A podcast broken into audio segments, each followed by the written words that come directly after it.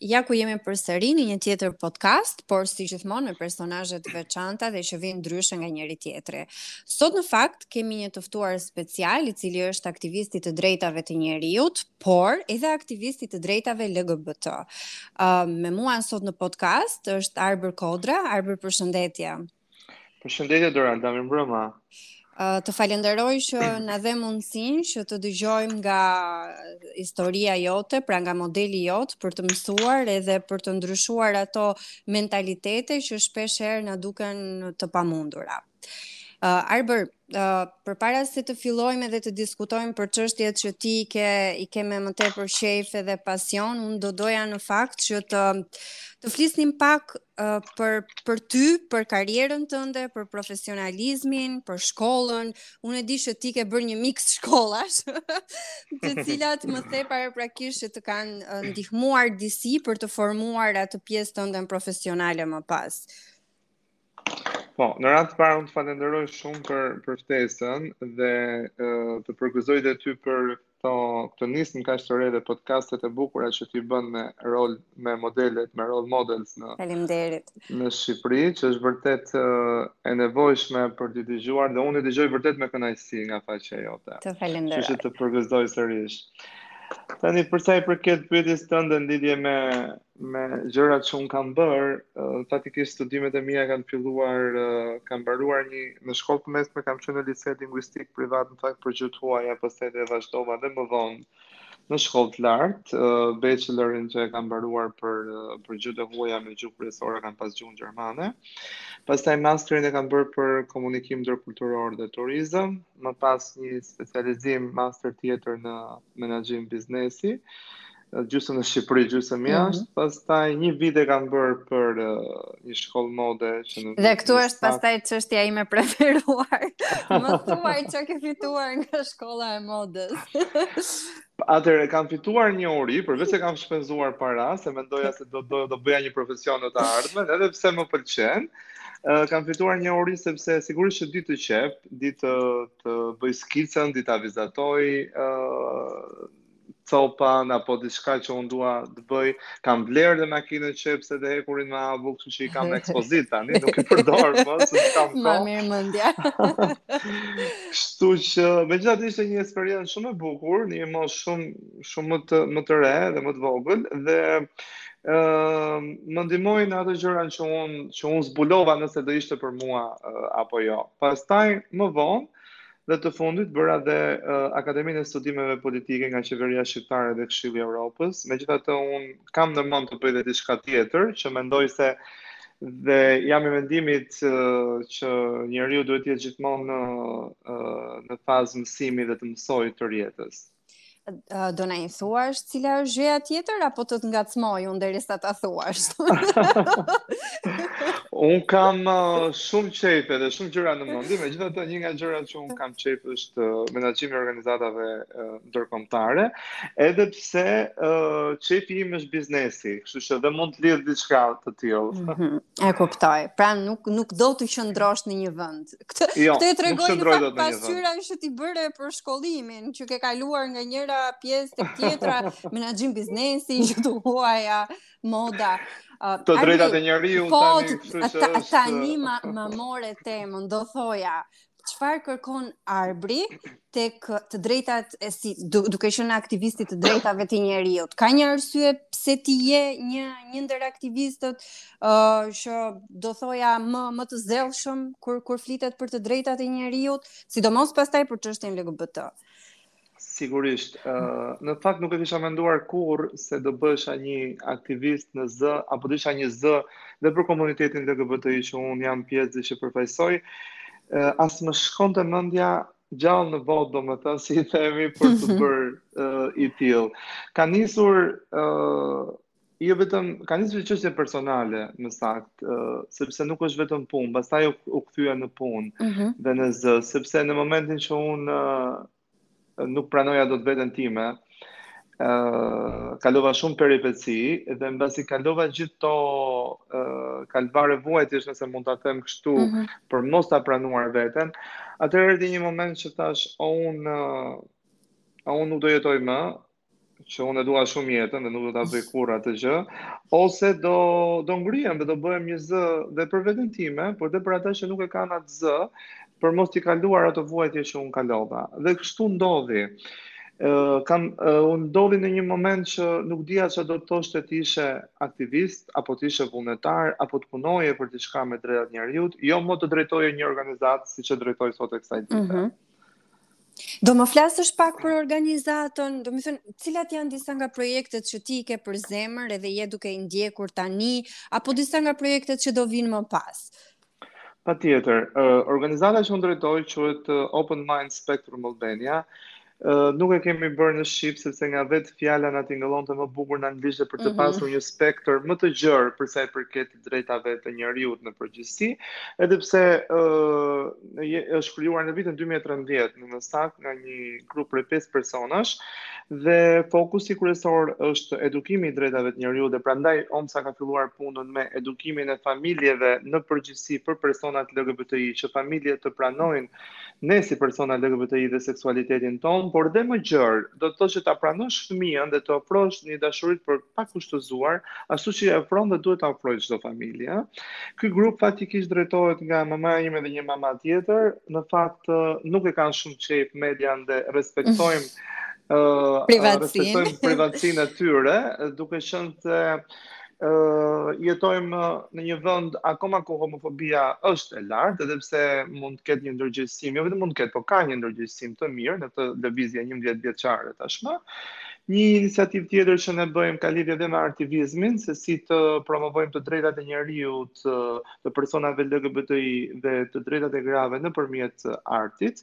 Kjo është shumë e bukur dhe mua më pëlqen shumë si iniciativë, se nga kjo iniciativë është bashkëpunuar uh, në përgjithësi me të rinj dhe të reja është janë bërë ekspozita të ndryshme dhe nga kjo ka dalë dhe festivali i filmave queer faktikisht është festivali i filmave që konsiderohen tabu për t'u shfaqur. Mm -hmm.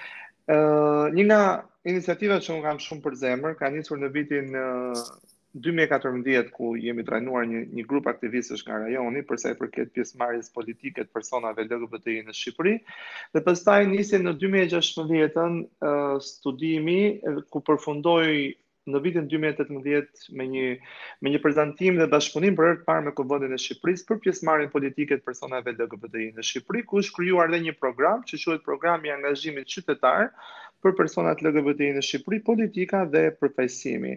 Unë e kam shumë sfidë këtë gjë sepse ë uh, dhe më pëlqen, unë nuk jam njeri që nuk bëj dot gjëra të thjeshta, po më dhe gjë të thjeshtë nuk e bëj fare.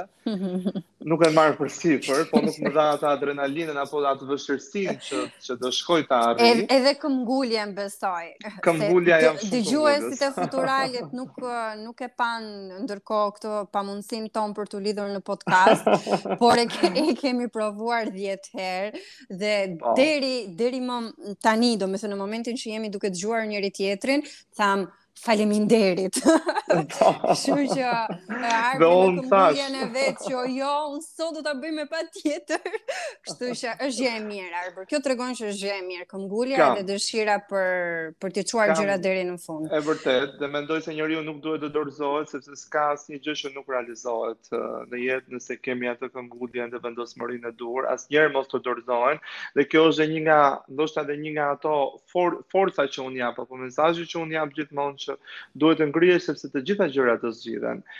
Ë, uh, do të ndalem prapë te kjo iniciativa, se më pyet edhe kam shumë mm -hmm, për zemër me me me organizatën, sepse të punosh me politikën, të mundosh të ndryshosh uh, mentalitete është shumë e vështirë dhe kam marrë këtë par, parasysh të gjitha kostot që mund të më dalin uh, përpara.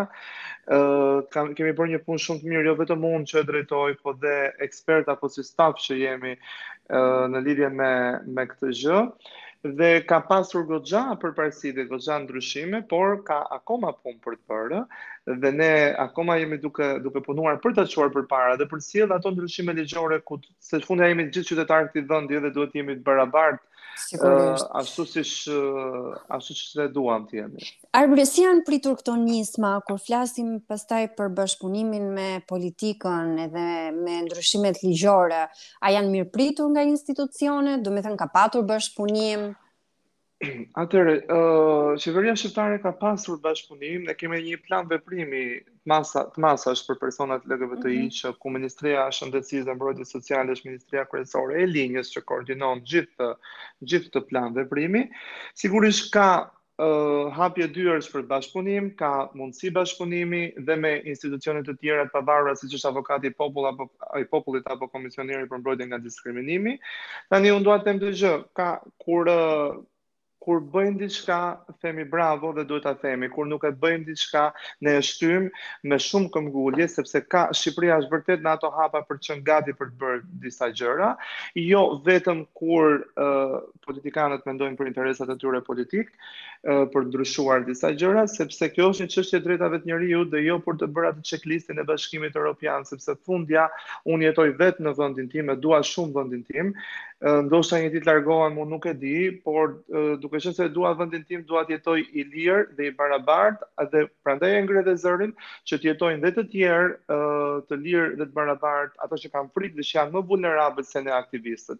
Se të jesh aktivist apo të jo të jesh aktivist, më mirë të dalësh hapur dhe ta shpalosësh, ta thuash hapur seksualitetin tënd, nuk do të thotë që të jesh aktivist apo të dalësh me flamur siç na thonë, apo siç dalim mm -hmm. ne që luftojmë për për kauzat tona.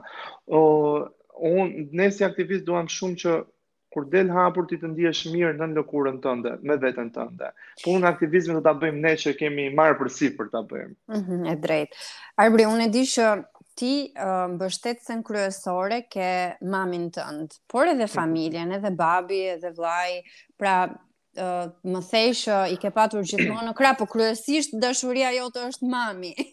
Edhe unë do doja në fakt të ndaje ndonjë moment me të edhe mënyrën se si ajo e ka pritur edhe mm, çfarë ka bërë për ty.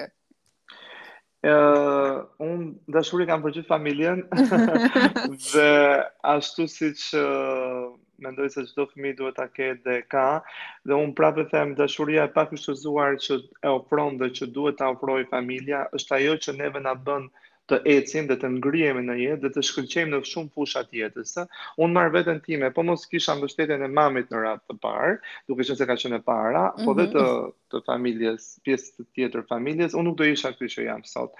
Se mbështetja dhe suporti të bën të ngrihesh, vërtet të bën të ngrihesh dhe në momentin që unë kam dalë hapur ka ka qenë mami që e ka e ka ndërtuar situatën për të dalë hapur, duke parë ato vuajtjet që unë kalova, duke qenë se historia ime është publike në shumë në shumë media apo në shumë në shumë gjëra e kam bërë të hapur sepse doja doja unë që të kuptojnë dhe të tjerë që nuk është e thjesht të të, të rrish 24 24 vjet apo nëse është ndonjë në dollap dhe pa e thënë siç i themi ne. Mm -hmm. Dhe ë uh, suporti i i nënës time duke duke më thënë që është krenare për mua për çdo lloj gjëje që un jam, ka qenë ajo gjë që mua më më ka ngritur dhe më jep forcë për t'u ngritur uh, si njeri, ë.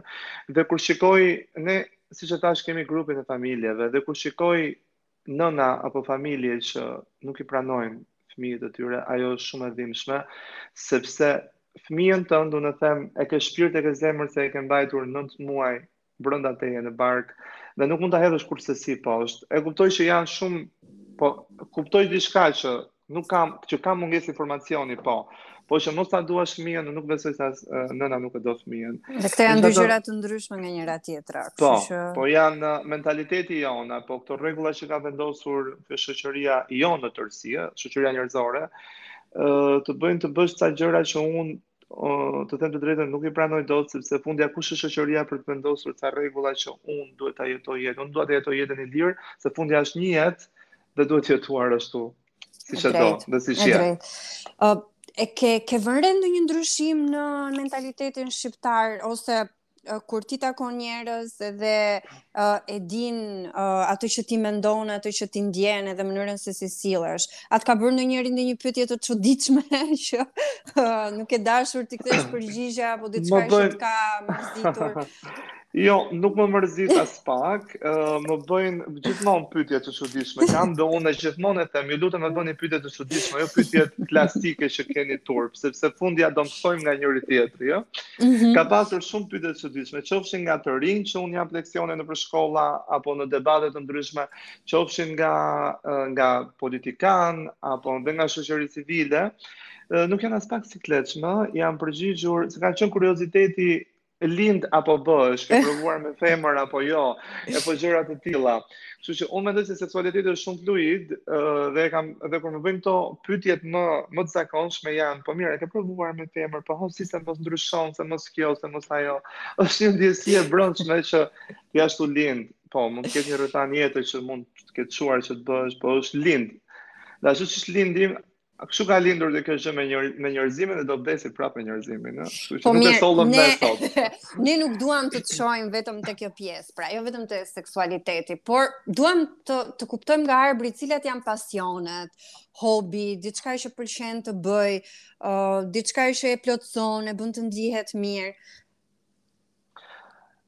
këtu më dole në një gjë shumë të bukur. Më thuaj. Ë, gjithmonë që fëmijë dhe kam pasur shancin për shkak të familjes time, ë të udhëtoj, të udhëtoj dhe të njoh kultura të ndryshme, të shoh, të jetoj në në komunitet, të shikoj njerëzit si jetojnë, të flas me ta, të bisedoj, e kam shumë qejf të njoh kultura të ndryshme. Edhe prandaj dhe udhëtoj tërë kohës, pasionet e mia janë udhëtimet. Uh, kam pasur mundësi dhe kam aq më tepër tani me uh, që kur kam filluar punën me të drejtat e njeriut apo komunitetin LGBTI kam uh, kam pasur shumë shance të njoh shumë të udhëtoj në shumë vende të tjera të njoh shumë njerëz dhe, dhe të njohim dhe vuajtjet e njëri-tjetrit se në fund të ditës jemi të gjithë njerëz pasioni im i parë janë udhëtimet dhe kulturat ë pasion tjetër janë Ke ndonjë vend të preferuar pa kaluar te pasioni Vendi im i preferuar ka shtet të preferuar, sigurisht, po vendi im i relaksit dhe vendi im i preferuar është deti. Ku ka det, unë aty dua të rri. po, ka vend të preferuar, uh, kam dy vende të preferuara, më saktë, mm -hmm. edhe pse kam udhëtuar shumë. Uh, Amerika, New Yorku që është shumë larg, po unë e dua shumë. Ë uh, dhe Spanja, Spanja është një vend i ngrohtë, është një vend solar, unë e dua shumë diellin. Është një vend që që është pak a shumë se si vendi jonë, është një me me njerëz që janë shumë socialë dhe shumë gjëra të tilla, edhe pse është një vend më mendje hapur se Shqipëria, por po... të duket sikur je në shtëpi. po, më duket jam në shtëpi, tamam. Mirë pra. Pastaj kemi tjera, kam kam sigurisht kam dhe leximin, edhe pse kam, marr gjithmonë libra me vete kudo që jam, edhe pse nuk kam shumë kohë, po më pëlqen të lexoj shumë. Ë uh, tjetër kam kam dhe shumë gjëra tjera. Po kujtoj një herë, më duket se në kohën e lirë bëje yoga apo jo? Po, patjetër, pra, se harrova. Kur atë kohën e lirë që mezi e gjej, bëj yoga, po, bëj dhe joga se më pëlqen, nuk jam ai njeriu, nuk futem dot të rri në palestër, është shumë mbyllur, bëj uh, xhiro me biçikletë dhe ecje në natyrë i kam shumë qef, uh, më pëlqen ajri i pastër dhe uh, pastaj tjetër kam dhe Uh, kisha kam shumë gjëra dhe i harroj. Kupton se jam i fokusuar te puna dhe i harroj. jo, jo, këtu nuk të duam vetëm për punën. Këtu duam të të, të njohim të të plot të gjithin. Un kujdesem shumë për kafshët, dua shumë kafshët. Gatuaj, gatuaj shumë. Çe, cili është gatimi yt i preferuar që ti mund të mund të na e sugjerosh? Atëherë, nuk kam një të preferuar sepse un uh, bëj çdo gjë. se ha çdo gjë, edhe pse nuk nuk dukem si hamës i madh, po ha çdo gjë. Nuk kam një të preferuar të them të drejtën sepse bëj bëj çfarëdolloj gjëje, por uh, mund të ndaj ëmbëlsirat që i gat ato e kam aty pikën time të dobët, se përveç se i mhm. ha vetë i gatuaj vetë. e paske vërtet pikë të dobët. Po megjithatë po. ke këtë avantazhin që nuk të duket në shëndet uh, Kjo është gjenetike pastaj dhe nuk më duket fare. Gjë shumë e mirë. Um, Arbrim, a ke ti një mesazh për të rinjtë? A ke ti uh, një moto tënden që të bën të ecësh përpara? Moto ime për të ecur përpara, Dhe në një formë mesazhi është pranimi i vetes ashtu siç je dhe këtu nuk e kam lidhje fare me seksualitetin, po e kam në përgjithësi. Të pranosh veten tënde ashtu siç je, pavarësisht se kostot mbrapa do jenë shumë të mëdha, sepse të pranosh veten ashtu siç je atëherë ti do jesh i lirë të shkëlqesh në shumë fusha të jetës. Uh, unë e kuptoj që nuk është e thjeshtë në shoqëritë tona uh, të, të, të jesh i lirë dhe liria, prandaj thashë në fillim që liria ka shumë kosto mbrapa, po pranimi i vetes dhe liria për të jetuar jetën ashtu siç do dhe ashtu siç je. Kjo është ajo që unë e them gjithmonë. Unë jam shumë shpirt i lirë, uh, dhe mendoj se Kjo është një nga do ta lidhja me punën këtë gjë, artikulli i parë i drejtave të njeriut është ku ne jemi të lindur të barabartë në dinjitet dhe në të drejta dhe të lirë sidomos dhe prandaj futem tek tek liria dhe te pranimi i vetes. Unë kësaj gjëje e them gjithmonë.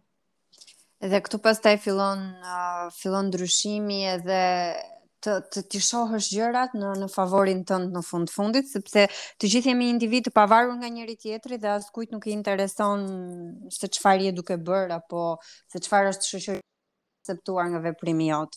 Uh, Arbi, nëse nëse ti ke diçka tjetër për të shtuar, mos do të na thuash në një gjë që se ke thënë tek intervistat e tjera.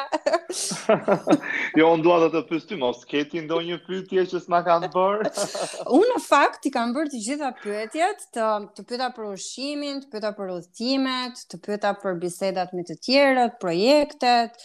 Um, për momentin nuk më vjen asnjë gjë në mendje, po ne do kemi kontakt të vazhdueshëm, shtu që uh, sapo të shoh që Arbi ka bërë diçka, dhe nuk e ka treguar në televizionet e tjera, unë do të marr përsëri në podcast dhe besoj se ti do jesh shumë dakord.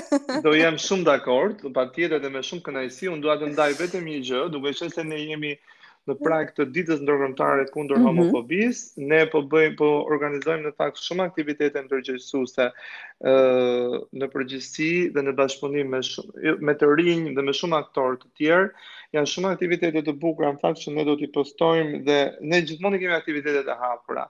Kush dëshiron të vijë, janë gjithmonë të mirëpritur për të mësuar diçka apo për ço për ta ndjekur, për të marrë diçka të re, një informacion të ri. Kemi edhe një dhe shfaqjet e filmave. Dua ta them te shfaqjet e filmave sepse ë po. uh, një nga gjërat që unë pëlqej te kjo gjë është fakti që janë uh, diçka një kauzë e drejtave të njeriut, pa, ose siç është çështja LGBTI, uh, kemi zgjedhur filmin sepse filmi është një, duket se është një mënyrë më e zbutur për ta përcjellë mhm. mesazhin. Mm -hmm. Dhe unë i ftoj të gjithë ata që kanë mundësi të na ndjekin në aktivitetet tona. Unë të falenderoj ty shumë uh, dhe një herë dhe do jem gjithmonë i gatshëm dhe të falenderoj edhe për ftesën dhe për pozitivitetin e dashamirësinë tënde. Unë të falenderoj më tepër, sepse më krijove mundësinë të të njoh edhe të kuptoj akoma edhe më tepër edhe të mësoj rreth aktiviteteve tuaja si, si organizatë, por edhe Arbrin në një dimension tjetër që është uh, shumë human, pozitiv edhe uh, unë do doja të të kisha në shoqërinë time Arbri. Patjetër, do ta mbash fjallën, ë? do ta mbash uh, fjalën, do më marrësh. E thashë publikisht, e thashë publikisht.